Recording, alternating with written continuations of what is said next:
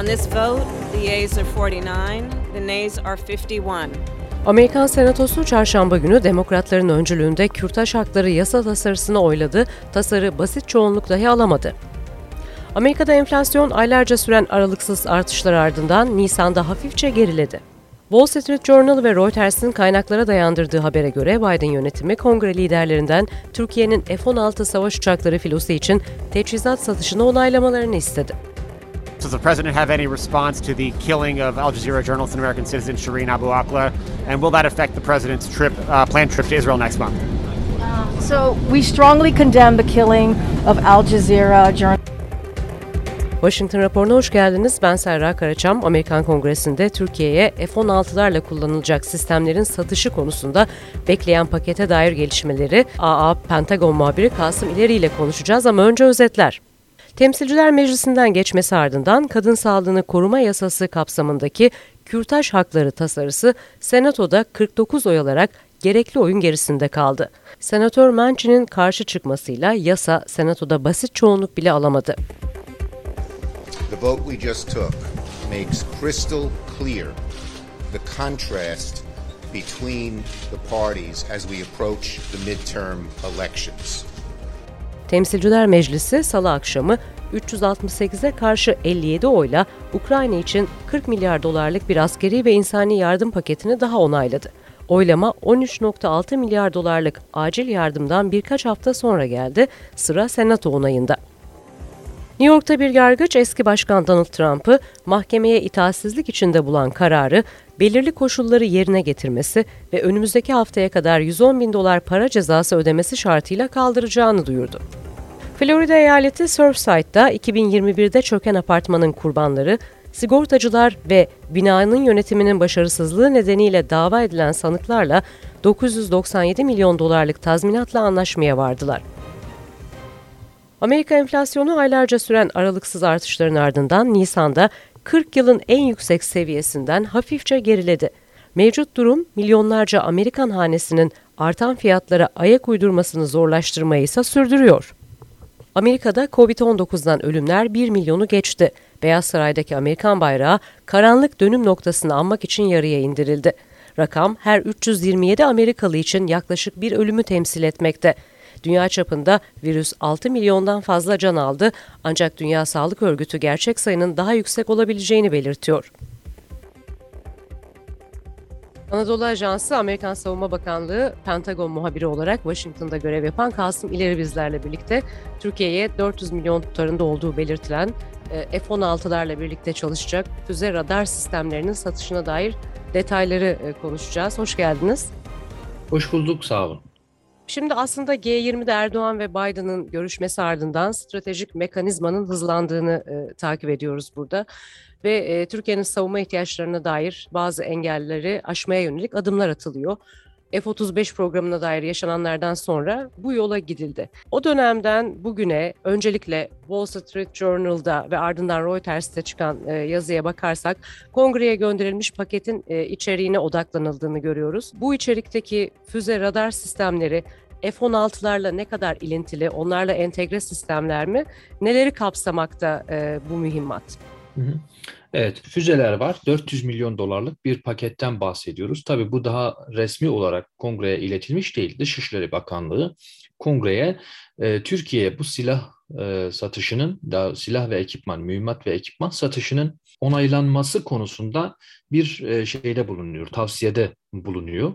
E, bizim bildiğimiz kadarıyla tabii daha bu resmi olarak açıklanmamış ama Wall Street Journal'da ve e, Reuters'ta çıkan haberlerde bir F-16 mühimmatları var. Yani e, AIM Sidewinder 9 dedikleri bir uçakların kanatlarının ucuna takılan ve kara veya hava hedeflerine karşı kullanılabilen bir füze var. Bir de AIM-120 dedikleri havadan havaya yani F-16'larının doğrudan uçaklara karşı kullandığı, hava unsurlarına karşı kullandığı bir mühimmat var. Bir de bazı F-16'ların radar sistemleri var. Bazı elektronik e, yedek parçalardan bahsediyorlar. 400 milyonluk e, pakette. Bunlar tabii ki doğrudan F, bizim Türkiye'nin şu anda e, kullanımda olan F-16 filosunun ihtiyaçları. E, burada da Dışişleri Bakanlığı kongreye Türkiye'nin bu ihtiyaçlarının karşılanmasını e, gerektiği ve dolayısıyla da e, bunun onayının kongreden geçmesini tebliğat gönderilecek ama tebliğat gönderilmeden önce tabii bu silah satış prosedürlerine biraz girmemiz gerekecek burada. Silah satışı için te, tebliğat gönderilmeden önce kongreye böyle bir niyet beyanında bulunmuş e, Dışişleri Bakanlığı. E, doğrudan Türkiye'nin bu F-16 filosunun şu anda mevcut F-16 filosunun bazı ihtiyaçları ve mühimmatları bu F-16'ların kullandığı doğrudan F-16'ların kullandığı bazı mühimmat talebinden bahsediliyor.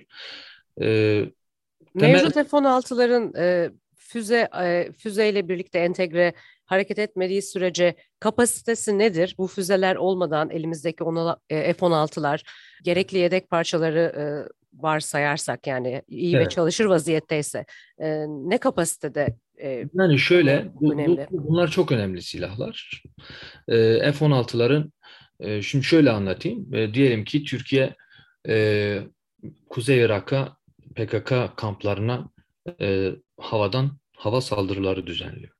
E, burada iki F-16 uçağı e, normal karaya atılan bomba taşırken e, bir de bunların kanatlarına kendilerini savunmak için havadan havaya füzeler takılıyor. Bir de bunların arkasında sadece bu uçaklara eskortluk yapan ve karaya atış yapmayan, sadece havada olası bir başka gücün hava unsurlarıyla karşılaştığı durumda onları savunacak eskortluk yapan uçaklar var. Bunlar da tamamen havadan havaya füzelerle uçuyor. Dolayısıyla buradan baktığımızda yani F-16'ların e, kendilerini savunma bakması bakımından bu silahlar çok kritik. Füzeler yani. Bu bir. Diğer taraftan da Türkiye sonuçta kendi sınırları boyunca, kendi hava sahası içerisinde, mesela e, Ege Denizi'nde olabilir, bu Akdeniz'de olabilir veya Suriye sınırında hava polisliği dediğimiz hava sahasını korumak üzere F-16'ları görevlendiriyor ve F-16'lar o oralarda devreye dolaşıyorlar. Burada bu uçakların kullandığı mühimmatlar aslında bunlar. Yani bu o sırada hava devriyelerini devriyelerinde ta, kanatlarına taktıkları silahlar tam olarak hava sahasının korunması için önem arz eden silahlar. Radar konusunda tabii biz bunun detaylarını bilmiyoruz. Zaman zaman e, sonuçta Türkiye'nin elinde şu anda belirli bir sayıda F-16 vardır ve bu F-16'larının e, her birisinin modeli, üzerindeki blok yani yazılımı, anakartları, radar sistemleri birbirinden farklıdır. Çünkü hepsinin farklı zamanlarda alınmış farklı şekillerde, modernize edilmiş farklı şekillerde e, takılmış e, elektronik ve aviyonikler var. Bunların hangi yani bir kısım muhtemelen F-16 filosundaki bir kısım uçakların radarlarının güncelleştirilmesi gerekiyor şu anda ve üzerindeki bazı elektronik e, ekipmanların artık yenilenmesi gerekiyor ve Türkiye'nin de böyle bir talebi var. Doğrudan bu talebin içeriği yani bu radar sistemleri ve elektronik sistemlerin tam olarak ne olduğunu bilmiyoruz henüz. Ee, Ancak ama mevcut kongreye yollanan bu bahsettiğimiz sizin niyet bildiren bir bilgilendirme olarak ifade ettiğiniz pakette bunlar da var. Evet. Bunlar da var ya bunun kaç yani kaç uçaktan bahsediyorlar? Bütün uçaklarla ilgili mi? Kaç bunu... uçak için olandan yani uçaklar zaten söz konusu değil değil mi burada? Evet, yok uçak Hı-hı. değil. Zaten tamam. bunun uçak Hı-hı. parçaları.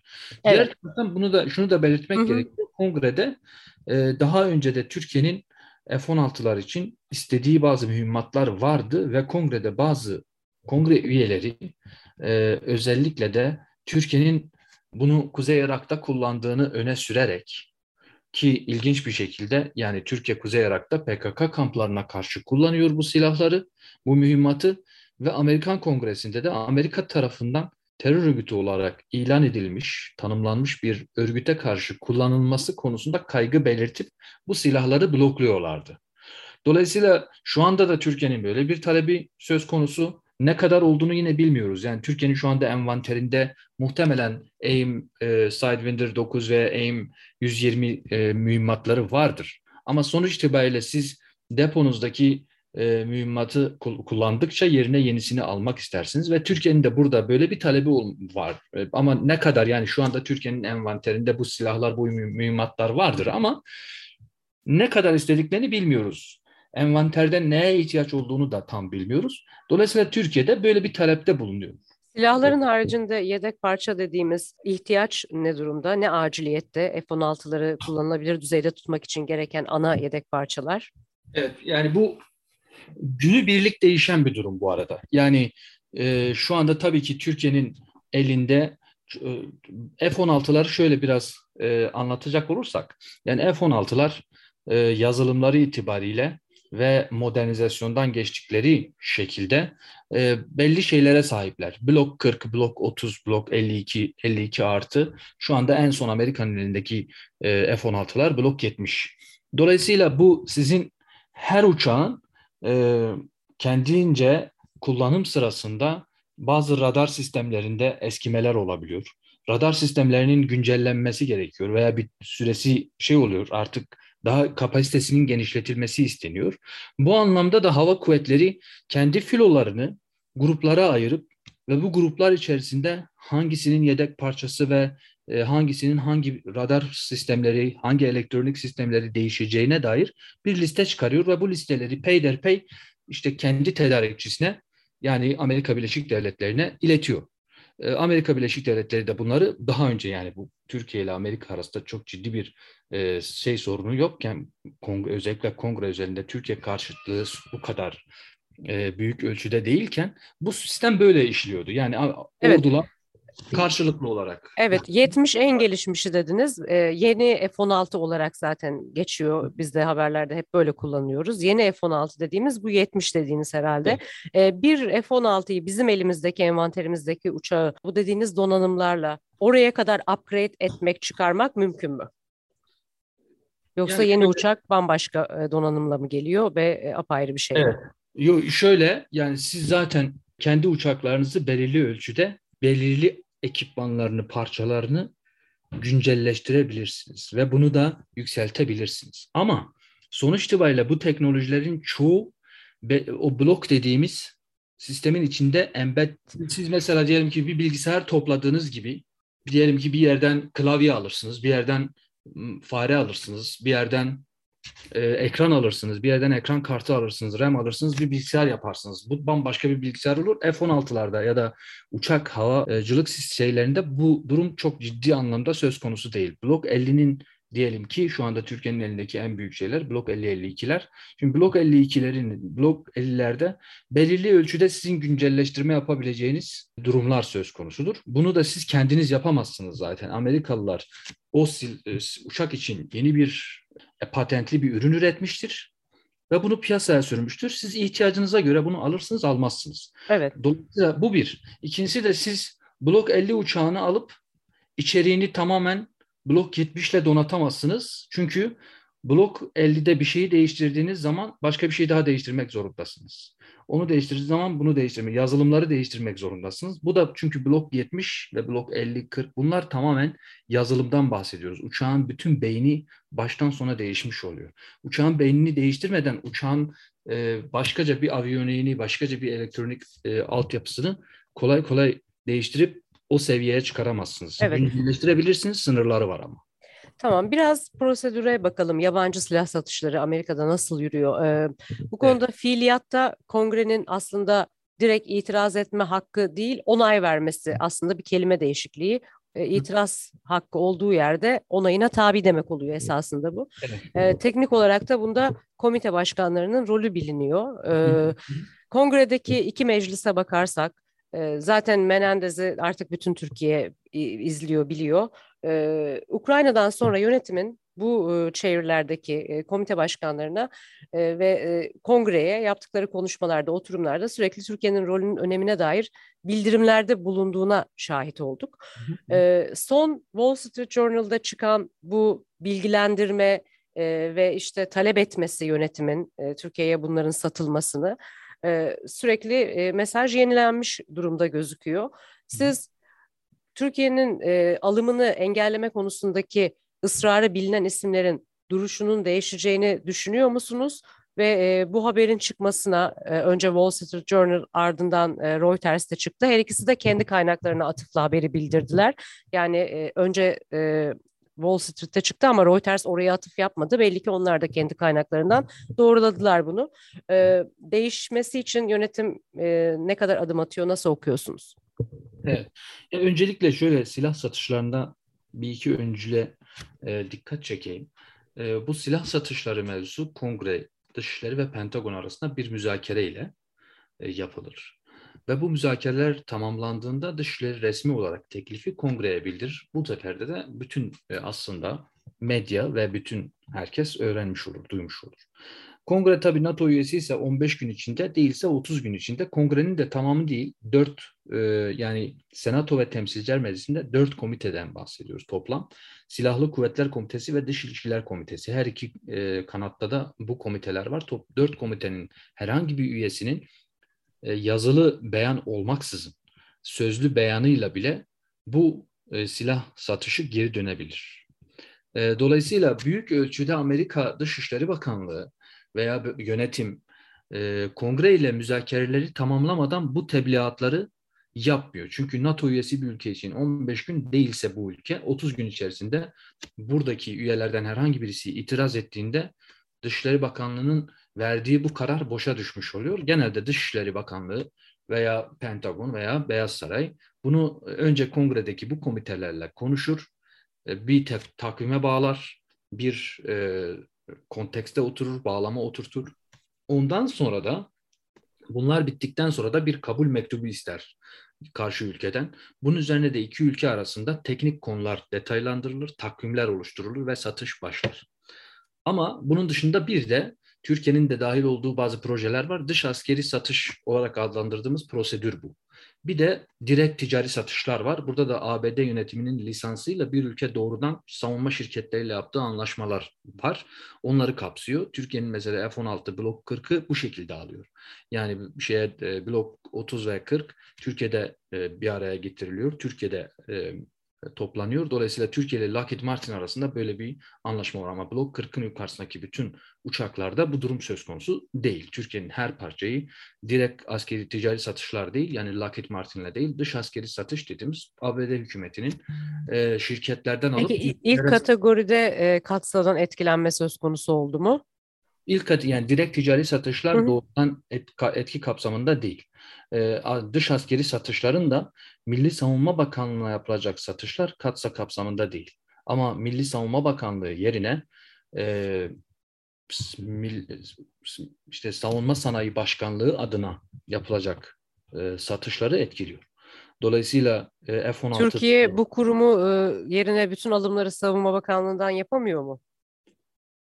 Yani şöyle bu savunma Milli Savunma Bakanlığı'yla Savunma Sanayi Başkanlığı e, kendi içerisinde iki tane farklı kurur, kuruluş. Her ne kadar bir e, Türkiye'nin savunma ve ulusal güvenlik ihtiyaçlarına yönelik ikisi de ortak birçok yanları varken Savunma Sanayi Başkanlığı sadece Türkiye'nin adına alım yapan bir kuruluş değil. Aynı zamanda Türkiye'nin e, savunma kabiliyetinin geliştirilmesinde, Türkiye'nin geliştirdiği e, silahların e, dışarıya satılmasında ve Türkiye'nin bir anlamda bütün savunma sanayisinin e, şemsiyesi e, o kurum. E, Milli Savunma Bakanlığı ise tabii ki bunların dediğim gibi birbirleriyle örtüşen şeyleri var, yerleri var. Ama e, yani F-16 talebini mesela Milli Savunma Bakanlığı yaptı. Çünkü doğrudan Milli Savunma Bakanlığı'nın ihtiyacıydı. Ee, ve Yeni F-16'ları değil mi? Yeni F-16'lardan bahsediyorum. Veya şu anki mesela bahsettiğimiz şu anki paket de dahil. Yani Milli Savunma Bakanlığı'nın kendi ihtiyaçlarını karşılamak adına bu şekilde böyle bir Milli Savunma Bakanlığı adına böyle bir şey yapılıyor. Amerikalılar da katsa kapsamındaki yatırımları ya da yaptırımları ortaya koyarken Milli Savunma Bakanlığı'nı bilerek dışarıda bırakmışlardı. Onun yerine Türkiye'nin savunma sanayisini hedef alan. Dolayısıyla aslında evet Savunma Bakanlığı da Savunma Sanayi e, Başkanlığı da Türkiye için çok kritik iki kurumdur. E, bugün Türkiye'nin bölgede güç olmasında e, rol oynamasında aktif bir Çünkü diğer ülkelere erişim sağlıyor, savunma sağlıyor evet. ve bölgedeki o öncü rolünü arttırıyor dolayısıyla. Evet. E, Amerika'nın da herhalde bu hususta direkt savunma bakanlığını e, hedeflemediği gibi bir algı da oluşmuş oluyor. Doğru, yani doğru. Zaten bu stratejik olarak planlanmış gözüküyor. Evet, yani bu şekilde koyuyorlardı ortaya. Şimdi tabii Kahir ekseriyeti Amerikan askeri satışının yani silah satışının Kahir ekseriyeti bu bahsettiğimiz dış askeri satıştır. E, ve bu kategorideki 10 milyon dolar ve üzeri olan tüm satışlar kongrenin onayına tabidir. Türkiye'nin burada tabii buradaki önemli nokta Türkiye'nin uzun bir süredir kongrede özellikle de Rum lobisiyle, Ermeni lobisiyle ilişkili e, ve tabii Türkiye zaman zaman İsrail'le de çok ciddi problemleri olduğu için aynı zamanda İsrail Yahudi lobisi tarafından da burada ciddi bir şeye maruz kalmıştı. Kongreye de ciddi bir karşıtlığa maruz kalmıştı ve bu karşıtlık da tabii ki silah alımlarına, silah anlaşmalarına ve karşılıklı olarak savunma işbirliklerine ciddi bir ket vurmuştu. Dolayısıyla Ukrayna Savaşı ile birlikte kongredeki havada biz çok net bir e, gözle görülür bir şey görmezsek de e, bir durum tutum değişimini görmezsek de Amerikan devletinin içerisinde bu devletten kastım hükümet veya bürokrasiden bahsediyorum. Hı hı. E, Türkiye'nin ve daha doğrusu her bir NATO ortağının artık çok kritik olduğu kanısını ortaya çıkardı ve biz sahada e, siz de takip ediyorsunuz. Türkiye'ye karşı hükümet içerisinde ciddi bir tavır değişikliğinin olduğunu görüyoruz. Çünkü Türkiye e, doğrudan e, Rusya'nın e, saldırısını reddeden ülkelerden biriydi. Aynı zamanda Türkiye tabii Ukrayna'ya, e, Türkiye'nin Ukrayna sağladığı bu satış yoluyla olmuş ama e, işte Bayraktar gibi e, insansız hava araçları, silahlı insansız hava araçları Ukrayna'da savaşın kaderini değiştirmiş durumda. E, ve Türkiye'de en nihayetinde Amerika'nın 70 yıllık bir NATO ortağı. Her ne kadar zaman zaman bu NATO ortaklığı sorgulanabilir duruma gelmişse de en nihayetinde Amerikan e, devleti Türkiye'nin e, öneminin farkında. Ama hükümetle bir problemleri var. E, hükümetle hükümetler bir ke, arala, hükümetlerin arasında e, mevzular var. Amerika'nın PKK'ya verdiği destek var. FETÖ Hemen var. şunu hatırlatmak istiyorum. Şimdi siz de İsrail'i de dahil ederek e, bahsettiniz buradaki lobilerin etkisi anlamında. E, burada da tabii ki e, seçimle işte siyasetin etkili olduğu bir kongre resmi, yönetim resmi var. Ermenistan'la ilgili Türkiye'nin ilişkileri değiştirme yönünde çaba sarf ettiğini görüyoruz. İsrail'le keza benzer şekilde yeni bir yola girilmiş gibi duruyor. Ee, uzlaşılamayan tek konu bir S-400'ler fikir ayrılığı. Bunun da gölgesi herhalde bu mekanizmayla, stratejik mekanizmayla e, gölgesinin hani ilişkilerdeki şeyi azalacak gibi görünmekte. Bir de Suriye'deki fikir ayrılıkları bir diğer husus gibi. Siz nasıl bakıyorsunuz? Evet. Yani burada tabii bizim e, yani Türkiye'de siz de e, 2017, 18, 19 yani o bu son 4-5 yılda e, Türkiye aleyhtarlığı öyle bir noktaya gelmişti ki Amerikan Kongresi'nde aslında Türkiye'ye vurmak veya Türkiye karşıtlığında birleş şey bir adım atmak bir hobi gibiydi Amerikan Kongre üyeleri için. Hemen hemen Türkiye ile ilgili her türlü konuda konu bir şekilde siyasallaştırıp kongrenin önünde ve kongreyi de bu kongrenin de bunu getirip Türkiye'nin bölgesel bazı e, konulardaki bakışlarına bağladığı bir durum söz konusuydu. Şu anda yani yine aynı şey söz konusudur. Mesela Yunan lobisi çok ciddi anlamda çalışıyor. Biz birkaç gündür de bu konuyu e, gözle görüyoruz. Yani Türkiye'ye silah verilmemesi, silah satılmaması konusunda kongrede ve Amerikan başkenti Washington'da bir e, çalışma yapıyorlar, bir kampanya yürütüyorlar. Aylardır süren bir kampanyadır bu.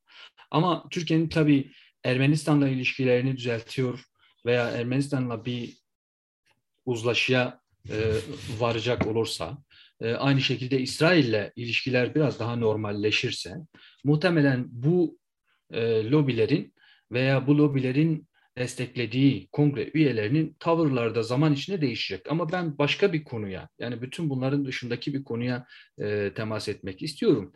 Bu bu konular S-400 konusu örneğin. E, S-400 evet stratejik bir silahtır ama Türkiye'nin ulusal güvenlik parametrelerini baştan sona değiştirecek bir konu değildir. Yani bu silahı bugün kullanırsınız, 3 yıl sonra, 5 yıl sonra emekli edersiniz ve bu emekli ettiğinizde hiçbir şey kaybetmezsiniz. Ama F-16 ya da savaş uçağı bu şekilde bir şey değildir. Savaş uçağı baştan sona bir ülkenin hava kuvvetlerinin formasyonudur. Ve Türkiye'de Amerikan hava kuvvetlerinin formasyonundan geçmiş bir ülkedir. Dolayısıyla Türkiye'nin hava kuvvetleri Amerikan teknoloji, Amerikan hava teknolojileriyle bir formasyon edilmiştir. Dolayısıyla Amerika Birleşik Devletleri'nin F-16'yı vermeyeceğiz şeklinde bir şansı yok. Bunu uzatabilirler ancak.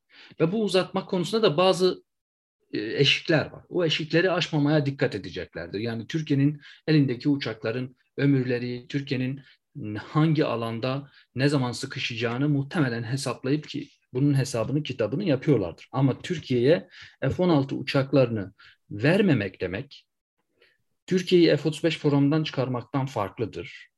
Türkiye'ye S-400'den dolayı yaptırım uygulamaktan farklı bir durumdur. Çünkü siz vermediğiniz takdirde Türk Hava Kuvvetleri bir şekilde kendi alternatifini bulmak zorunda kalacaktır. Çünkü hava kuvvetleri, hava savunma sistemi gibi sizin bugün bulduk, bulamadıysak biraz daha kendi uçaklarımızla hava kuvvetlerimizi koruyacağız gibi bir seçenek e, seçeneğe sahip değil. Hava kuvvetleri bir şekilde kendi legacy dediğimiz kendi uçağı, hava gücünün ana e, aktörlerini bir şekilde tedarik etmek zorundadır. Şu anda bu F-16'dır.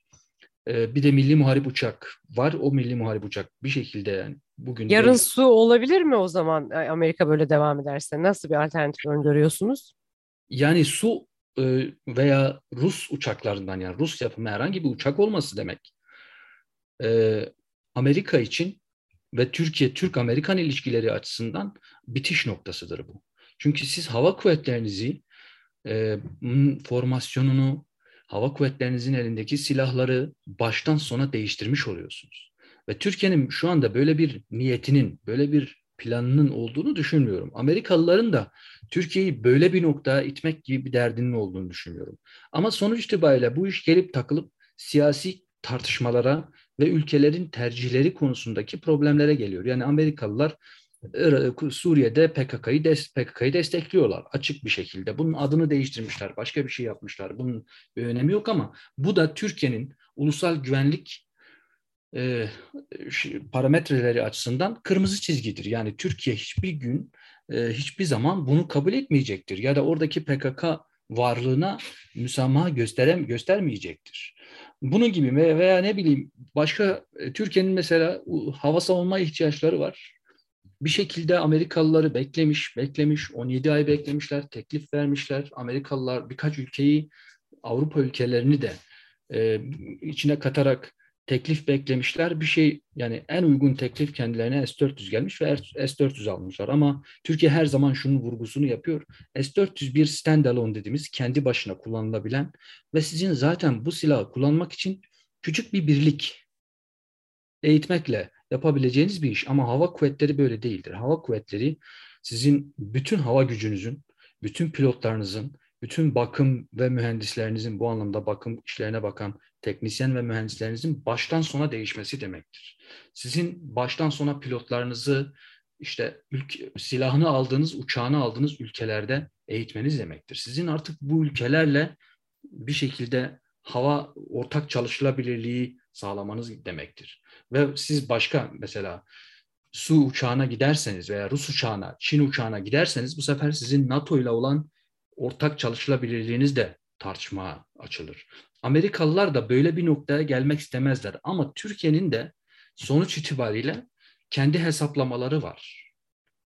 Evet. Eninde sonunda bu neye mal olacaksa olsun Türkiye'nin ulusal güvenlik parametreleri zarar gördüğünde ulusal güvenlik kaygıları arttığında ve bunun da çıkış yolunu bulamadığında tıpkı S-400'de yaşandığı gibi gerekirse baştan sona her şeyi düzenlemek e, durumunda kalacak. E, bu da milli muharip uçak yetişmezse başka bir tedarikçi bulmak demektir. Evet. Amerika Peki. açısından çok kritik bir konudur. Amerikalılar da bunun farkındalar ve ben bu F-16 meselesini evet süreci uzayabilir. Bugün değil yarın olabilir, bir yıl sonra olabilir ama bunu kesin kes kesip atamazlar ya da bu şekilde engelleyemezler çünkü yani bu uçak Türkiye'nin hava gücünün ana aktörüdür şu anda. Evet. Şimdi e, Türkiye yıllık ziyaretleri kapsamında yine kongre üyeleriyle görüşüyor. E, İsmet Yılmaz e, yine önemli bir isim. E, bu konulara da hakim. E, diğer taraftan Efkanala, Volkan Bozkır ekipte. E, bu temaslara dair neler söylersiniz ve e, şimdiye kadar Biden'ın başkanlığından bu yana Erdoğan Biden iki kere görüştü. E, üçüncü görüşmeyi yakın zamanda bekliyor musunuz? E, ya açıkçası biz yarın tabii onların bir basın bilgi yani evet. basın briefing vermesi bekleniyor. Orada görüşmelerinde kimlerle görüştüler, ne görüştüler orada görmüş olacağız tabii ki. E, ama e, benim beklediğim e, görüştükleri bütün isimlere e, Türkiye'nin ve Amerika'nın stratejik ortaklığının e, Amerika içerisindeki bazı siyasi e, kampanyalara veya siyasi lobiciliklere feda edilmemesi gerektiğini vurgulayacaklardır. Vurgula, görüştükleri herkesle. Biden'la Erdoğan arasındaki görüşme konusunda ise yani şu anda bizim öngörebildiğimiz bir görüşme takvimi söz konusu değil. Ee, ama tabii savaş, Ukrayna'da savaş var. Türkiye bir bu anlamda aracılık yapıyor. Ee, diğer taraftan bölgede de çok fazla hareketlilik var, değişim dönüşüm var. Bunlar tabii ki e, Cumhurbaşkanı Erdoğan'la e, ABD Başkanı Biden arasında bir telefon görüşmesini tetikleyebilir. E, fakat şey değil yani bu temelde böyle bir beklentim ya da böyle bir bekle, bilin, bildiğimiz bir takvim söz konusu değil. Bir nokta daha ekleyeyim buraya. Bugün tabii bu dışlarından aslında kongreye giden iki, ikinci bir e, tavsiye mektubu. Yani kongre birisinde bir e, mektup göndermişti Dışişleri Bakanlığı mektuba cevap verirken Türkiye'nin F-16'larının onaylanması gerektiğine vurgu yapan bir mektup vardı ama tabii başka birçok konu da vardı içerisinde o mektubun. Bu da Türkiye'nin bu 400 milyon dolarlık askeri alımı ile ilgili kongreye bir e, bu anlamda bir tebliğatta bulunuyor. Bu anlamda bir danışma e, tavsiyede bulunuyor. Benim kanaatim bu eğer ki kongrede yani aslında bu kongrede bir zemin yoklamadır. Yani kongre bunu onaylarsa Dışişleri Bakanlığı e, şunu da e, biraz görmüş olacaktır.